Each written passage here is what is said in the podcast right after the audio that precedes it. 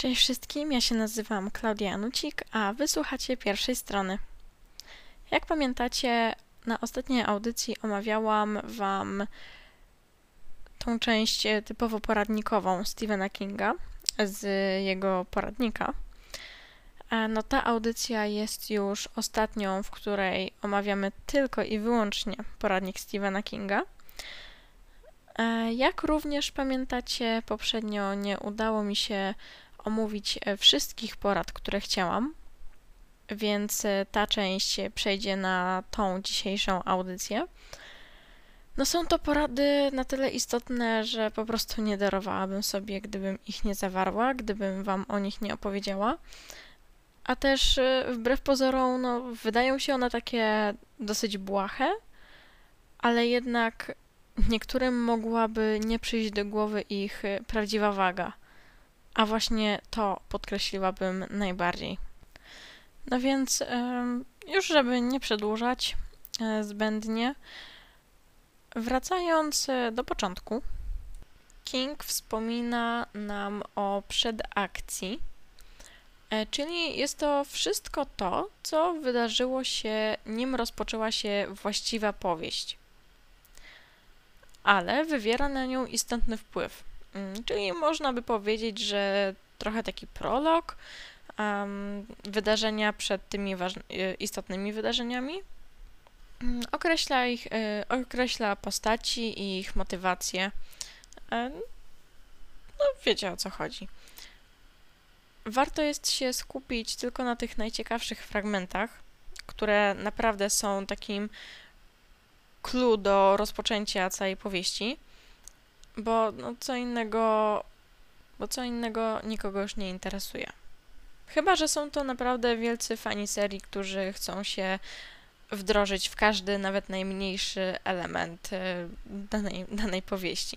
To już taki not, taka notka ode mnie. A wiecie, czego ludzie się lubią doszukiwać? Symboliki.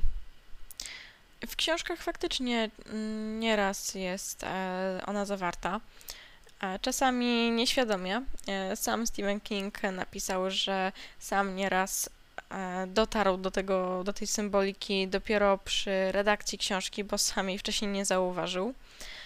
I no, nie jest to jednak e, przymus. Nie, wcale powieść nie musi być zawar- wypełniona tą symboliką. Wcale to jej nie będzie uwłaczać. Ale jeśli ona już tam będzie, no to super polerujmy ją, eksponujmy, żeby się tylko nie zatraciła. Ale też, jak już wspomniałam wcześniej, nie popadać w skrajności, czyli nie wyrzucać jej aż tak na pierwszy plan, bo też no, wydaje mi się, że wtedy zatraci taki cały smak tego, tej symboliki właśnie. Kiedy już napiszemy tą książkę, e, wyda nam się, że jest wszystko super, wszystko jest idealnie, właśnie zakończyliśmy swoje wielkie dzieło, e, no to przychodzi czas na redakcję. Wiadomo, najpierw jest redakcja autorska, a potem dopiero wysyłamy do wydawnictwa, e, żeby tam zajął się tym jeszcze specjalista. Ale jeszcze przed tym, jeszcze zanim e, wejdziemy w ten etap redakcji, książkę powinniśmy oddać do oceny naszemu idealnemu czytelnikowi, jak to nazywa King. Idealnym czytelnikiem jest ta najważniejsza dla nas osoba, której możemy powierzyć to zaufanie, a razem z nim e, właśnie pierwowzór naszej powieści. E, to jego ocena powinna być e, dla nas najważniejsza. Oczywiście zakładając przy tym, że nie będzie to tylko E, czyste słodzenie, żeby zrobiło nam się miło, żebyśmy uwierzyli, że mamy talent, tylko faktycznie taka szczera ocena krytyka naszego, z naszego bliskiego grona. I tak samo pisząc, e, już e, przystępując właściwie do powieści, powinniśmy mieć w głowie, kim jest ten nasz idealny czytelnik zaczynając powieść i ją rozwijając, powinniśmy właśnie jego mieć na, cały czas na uwadze. Powinniśmy sobie zadawać e, pytania w głowie podczas pisania, co idealny czytelnik sądzi o tej scenie, co uważa, że, że mogłoby się wydarzyć, czy, czy już w tym momencie przywiąże się do bohaterów, a potem po prostu już po napisaniu książki i przekazaniu jej e, temu idealnemu czytelnikowi zadać właśnie te pytania. To powinna być taka osoba, mm, jak dla mnie, z tego co zrozumiałam, co King e, starał się nam wytłumaczyć w tym poradniku. Powinna to być osoba właśnie bardzo nam bliska, ale też właśnie od której możemy liczyć na tą krytyczną nawet szczerość, której możemy całkowicie zaufać, która jednak nie zjedzie całkowicie naszego pomysłu i naszych ambicji. A żeby być może nawet była to osoba, do której kierujemy tą książkę, której zdanie właśnie powinno być u nas na, na pierwszym, no może nie na pierwszym, na pierwszym powinno być jednak nasze, ale na drugim miejscu. A już zbliżając się do końca, e, Stephen King e, daje nam kilka porad co do redakcji książki. E, pierwsza z nich to zasiąście do tej redakcji. Najlepiej już w momencie, kiedy się tej książki nie pamięta, kiedy jest nam ona trochę bardziej obca aniżeli bliska żebyśmy po prostu pozapominali, pozapominali parę faktów, e, żebyśmy jakby ją na nowo odkrywali, bo przy tym być może łatwiej nam będzie e, wyhaczyć pewne szczegóły. Dalej przedstawia nam taki pewny wzór na redakcję, e, którym jest druga wersja równa się pierwsza wersja minus 10%. Jeśli ktoś potrzebuje ściślejszego przetłumaczenia, to kiedy przystępujemy do tej redakcji, warto, żeby zakończyć ją z wyjętymi 10% z pierwszej wersji książki. I zaraz po tym e, Stephen King nas upomina, że uwaga, to będzie dosłowny cytat. Jeśli nie potrafisz usunąć z nich, z opowiadań, powieści, 10%, zachowując podstawowe wątki i smak, to nie dość mocno się przykładasz do pracy. I uważam, że to jest bardzo fajny cytat od Stephena Kinga, bo nie mówi nam tutaj, że nie mamy dosyć talentu, że nie nadajemy się do tej pracy, że to nie dla nas, że nie umiemy tego zrobić, ale nie dość mocno się do tego przykładamy, że nie pracujemy tak ciężko, jak powinniśmy. I to naprawdę bym zapamiętała. Tak już mówiąc ostatnie słowo, kończąc część typowo poradnikową w pamiętniku rzemieślnika, King upomina nas, że pisanie powinno być zabawą, że nie powinniśmy się tym męczyć, nie powinno nas ono stresować, że powinno nas przede wszystkim radować, przynosić nam szczęście. Przypomina też, że każdy popełnia błędy, żeby się więc nimi nie przejmować, a przynajmniej nie zanadto, żeby faktycznie wziąć do siebie e, konstruktywną krytykę, podkreślam konstruktywną, oraz żeby absolutnie nie pisać dla pieniędzy, bo no jak wiadomo jest to przyjemny fakt, co podkreśla również Stephen King, ale żeby robić to jednak przede wszystkim dla siebie, bo tylko wtedy można robić to wiecznie. No, miało być na szybko, a wyszło jak zwykle. E, znowu się troszkę rozgadałam i no ponownie porady zajęły trochę więcej czasu niż miały zająć, ale no myślę, że jakoś to przeżyjemy.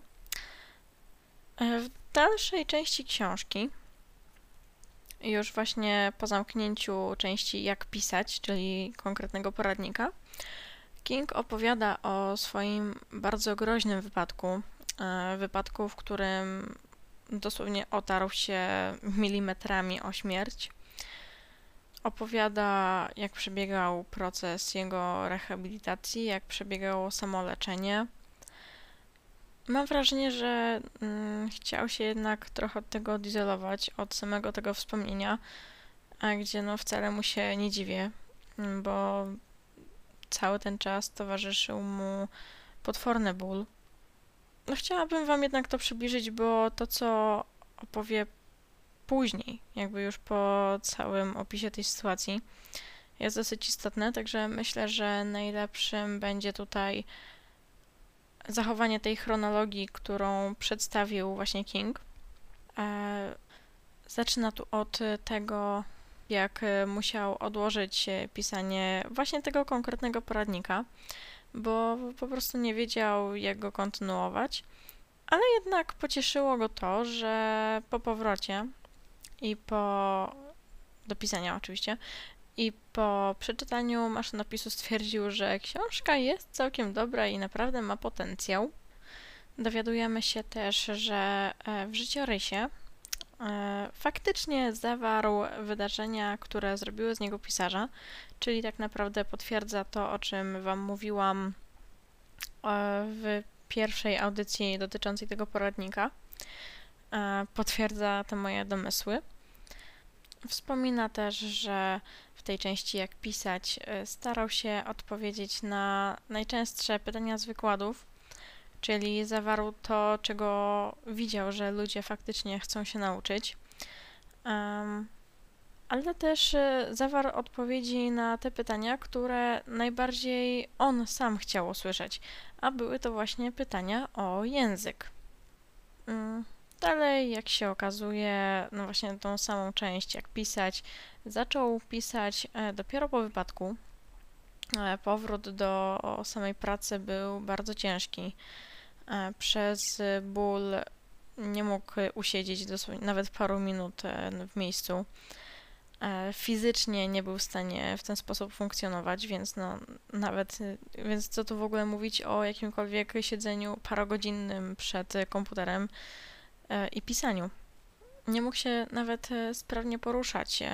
Zaczynał od e, balkonika, także tak naprawdę od, prawie od nowa musiał się uczyć chodzić. We wszystkim tym bardzo docenia rolę swojej żony, która, no właśnie jedno to, że była dla niego tym idealnym czytelnikiem, ale też pomogła mu we wszystkim po wypadku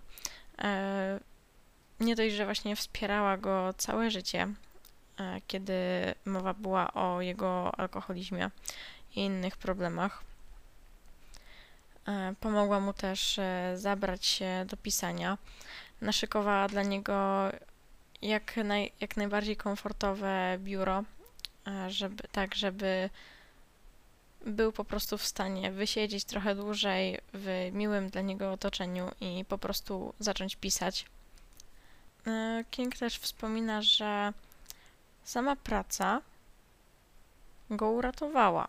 E, nie w tym dosłownym znaczeniu, bo jednak e, podkreśla to, że życie zawdzięcza tylko i wyłącznie lekarzom, którzy go poskładali do kupy i którzy go poprowadzili przez ten cały proces leczenia, ale na pewno pomogła mu wrócić do życia.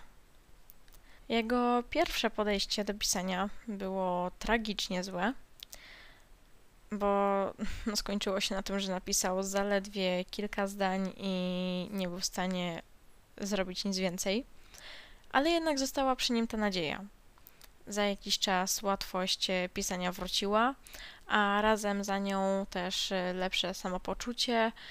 I też tutaj podkreśla, podkreśla, e, potwierdza się to, że najstraszniejsza jest chwila przed samym początkiem, e, kiedy jeszcze nie wiemy, jak to, dosłownie, jak to dokładnie będzie i przed samym startem wyobrażamy sobie wszystko, co najgorsze.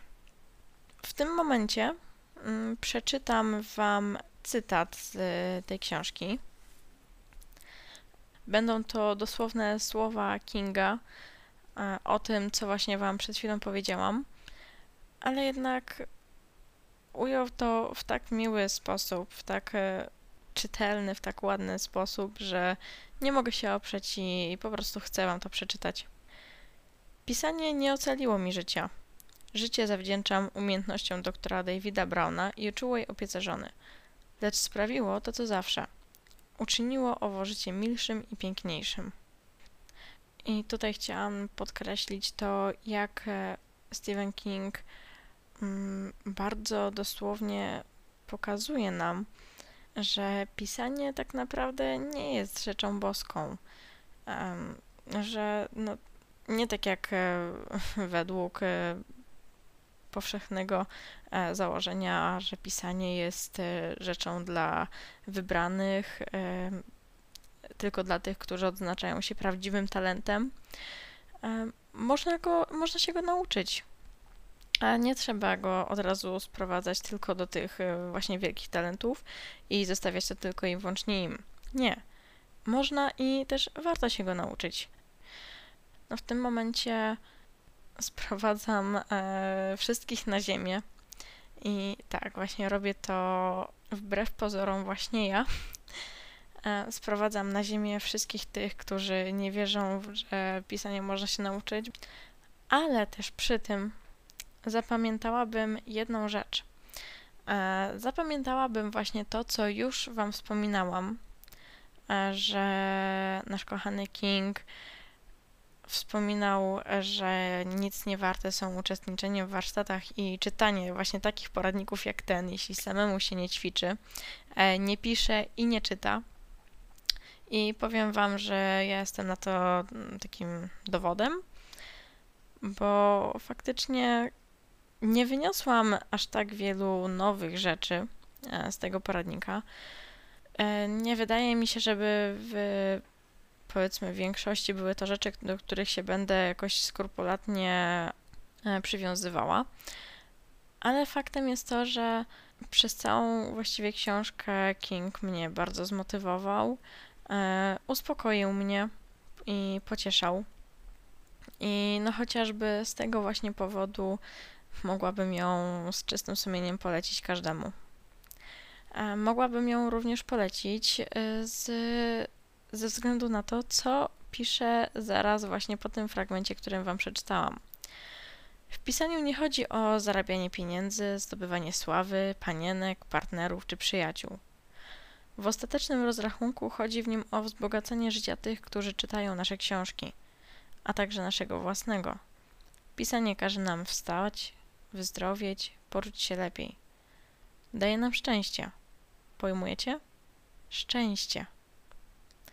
To jest właśnie ta dosyć prosta i może nawet banalna sprawa, o której Wam mówiłam na początku. Mm, jest to coś, no, tak prostego, a o czym wielu zdaje się nie pamiętać. W dalszej części tego poradnika Stephen King e, pokazuje nam E, swoje opowiadanie, fragment swojego opowiadania i jego redakcję. Pokazuje, pokazuje faktycznie, ile e, tekstu wyrzucił, jakie zmiany nastąpiły, więc też wydaje mi się, że to jest no, bardzo miłe z jego strony, bo jednak wydaje mi się, że na konkretnym przykładzie wielu jest łatwiej E, się czegoś nauczyć. E, łatwiej im to po prostu samemu powtórzyć. I faktycznie z tego, co zauważyłam, większość tych zmian to są zmiany, e, które przyspieszają tempo akcji. Faktycznie wyrzucił niepotrzebne opisy i zostawił tylko te, które grają naprawdę istotną rolę w samym fragmencie. Już tak na sam koniec tego poradnika King e, dzieli się z nami z e, spisem z e, jego zdaniem najważniejszych lub też najlepszych powieści, które warto jest przeczytać. No i powiem wam, że jest ich naprawdę od groma. Podał ich, no powiedziałabym, że około 300, tak na oko. I no podkreślam, że to są tylko te najważniejsze. No, King podkreślał, że bardzo ważne jest czytanie i że on faktycznie czyta w każdym możliwym momencie. Ale jak zobaczyłam, ile z tych, po, e, z tych książek uznał za ważne, a domyślam się, że jest to zaledwie mała część z tego, co przeczytał w ciągu powiedzmy roku czy nawet kilku lat, to zobaczcie, ile on faktycznie musi czytać. On chyba nie robi nic innego, jak tylko czyta. Albo ma tą specjalną umiejętność szybkiego czytania. E, no tak, y, wymieniając Wam tylko niektóre tytuły y, spośród, spośród tych wszystkich, które on nam wymienił, które przeczytał przez te e, wszystkie lata. No to mamy e, między innymi Jądra Ciemności, Olivera Twista, e, Zabić Drozda. Również mamy kilka części Harry'ego Pottera, ale mamy też e, takiego autora jak e, Neil Gaiman, e, Amerykańscy Bogowie. E, mamy również Życie Pi. Mm, Także no tutaj wymieniam te bardziej znane tytuły, e, bo też no podejrzewam, że pozostałe mogłyby Wam niewiele powiedzieć. A tak już przynajmniej coś się, e, coś, e, coś świta w głowach. E, Już tak kończąc całą tą audycję, powiem Wam, że zauważyłam, że ja i King mamy całkiem sporo wspólnego. Mamy podobne podejście. Mamy takie, same takie samo założenie, że postacie zawierają w sobie cząstki nas samych, że powieść się pisze tak naprawdę sama, sama się rozwija, a my jesteśmy tylko powiernikami, którzy zapisują słowa. E, Nie planujemy też tak skrupulatnie wydarzeń wszystkich, tylko pozwalamy im się e, samoistnie rozwijać. I też dopiero z czasem poznajemy tych swoich bohaterów, że no mimo to, że teoretycznie zn- znamy ich od podszewki, bo sami ich stworzyliśmy, no to jednak dopiero z czasem faktycznie ich zaczynamy poznawać, ich prawdziwe podejście i to, co zrobiliby w jakiejś sytuacji. Powiem Wam, że nie myślałam w sumie o tym, e, z jakich założeń mógłby, właśnie mógłby wyjść Stephen King, ale fakt, że właśnie mamy tyle podobieństw w tym pisaniu, w tworzeniu swoich historii, przynosi mi taką dziwną satysfakcję.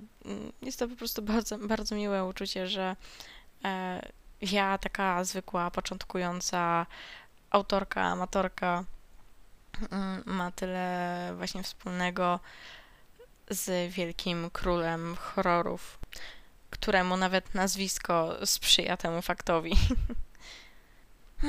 No co tam mogę Wam więcej powiedzieć? Mm, No dziękuję Wam wszystkim bardzo za odsłuchanie tej audycji. E, Przypominam, że to już była ostatnia, e, w której tak bardzo nękaliśmy naszego drugiego Kinga. E, Za tydzień słyszymy się już z. Albo nie. Nie powiem Wam, to będzie dla Was niespodzianka. Nie powiem Wam, z czym się słyszymy za tydzień. Będziecie musieli wyczekać do przyszłego tygodnia. E, Na ten moment Wam już bardzo dziękuję i do usłyszenia. Cześć!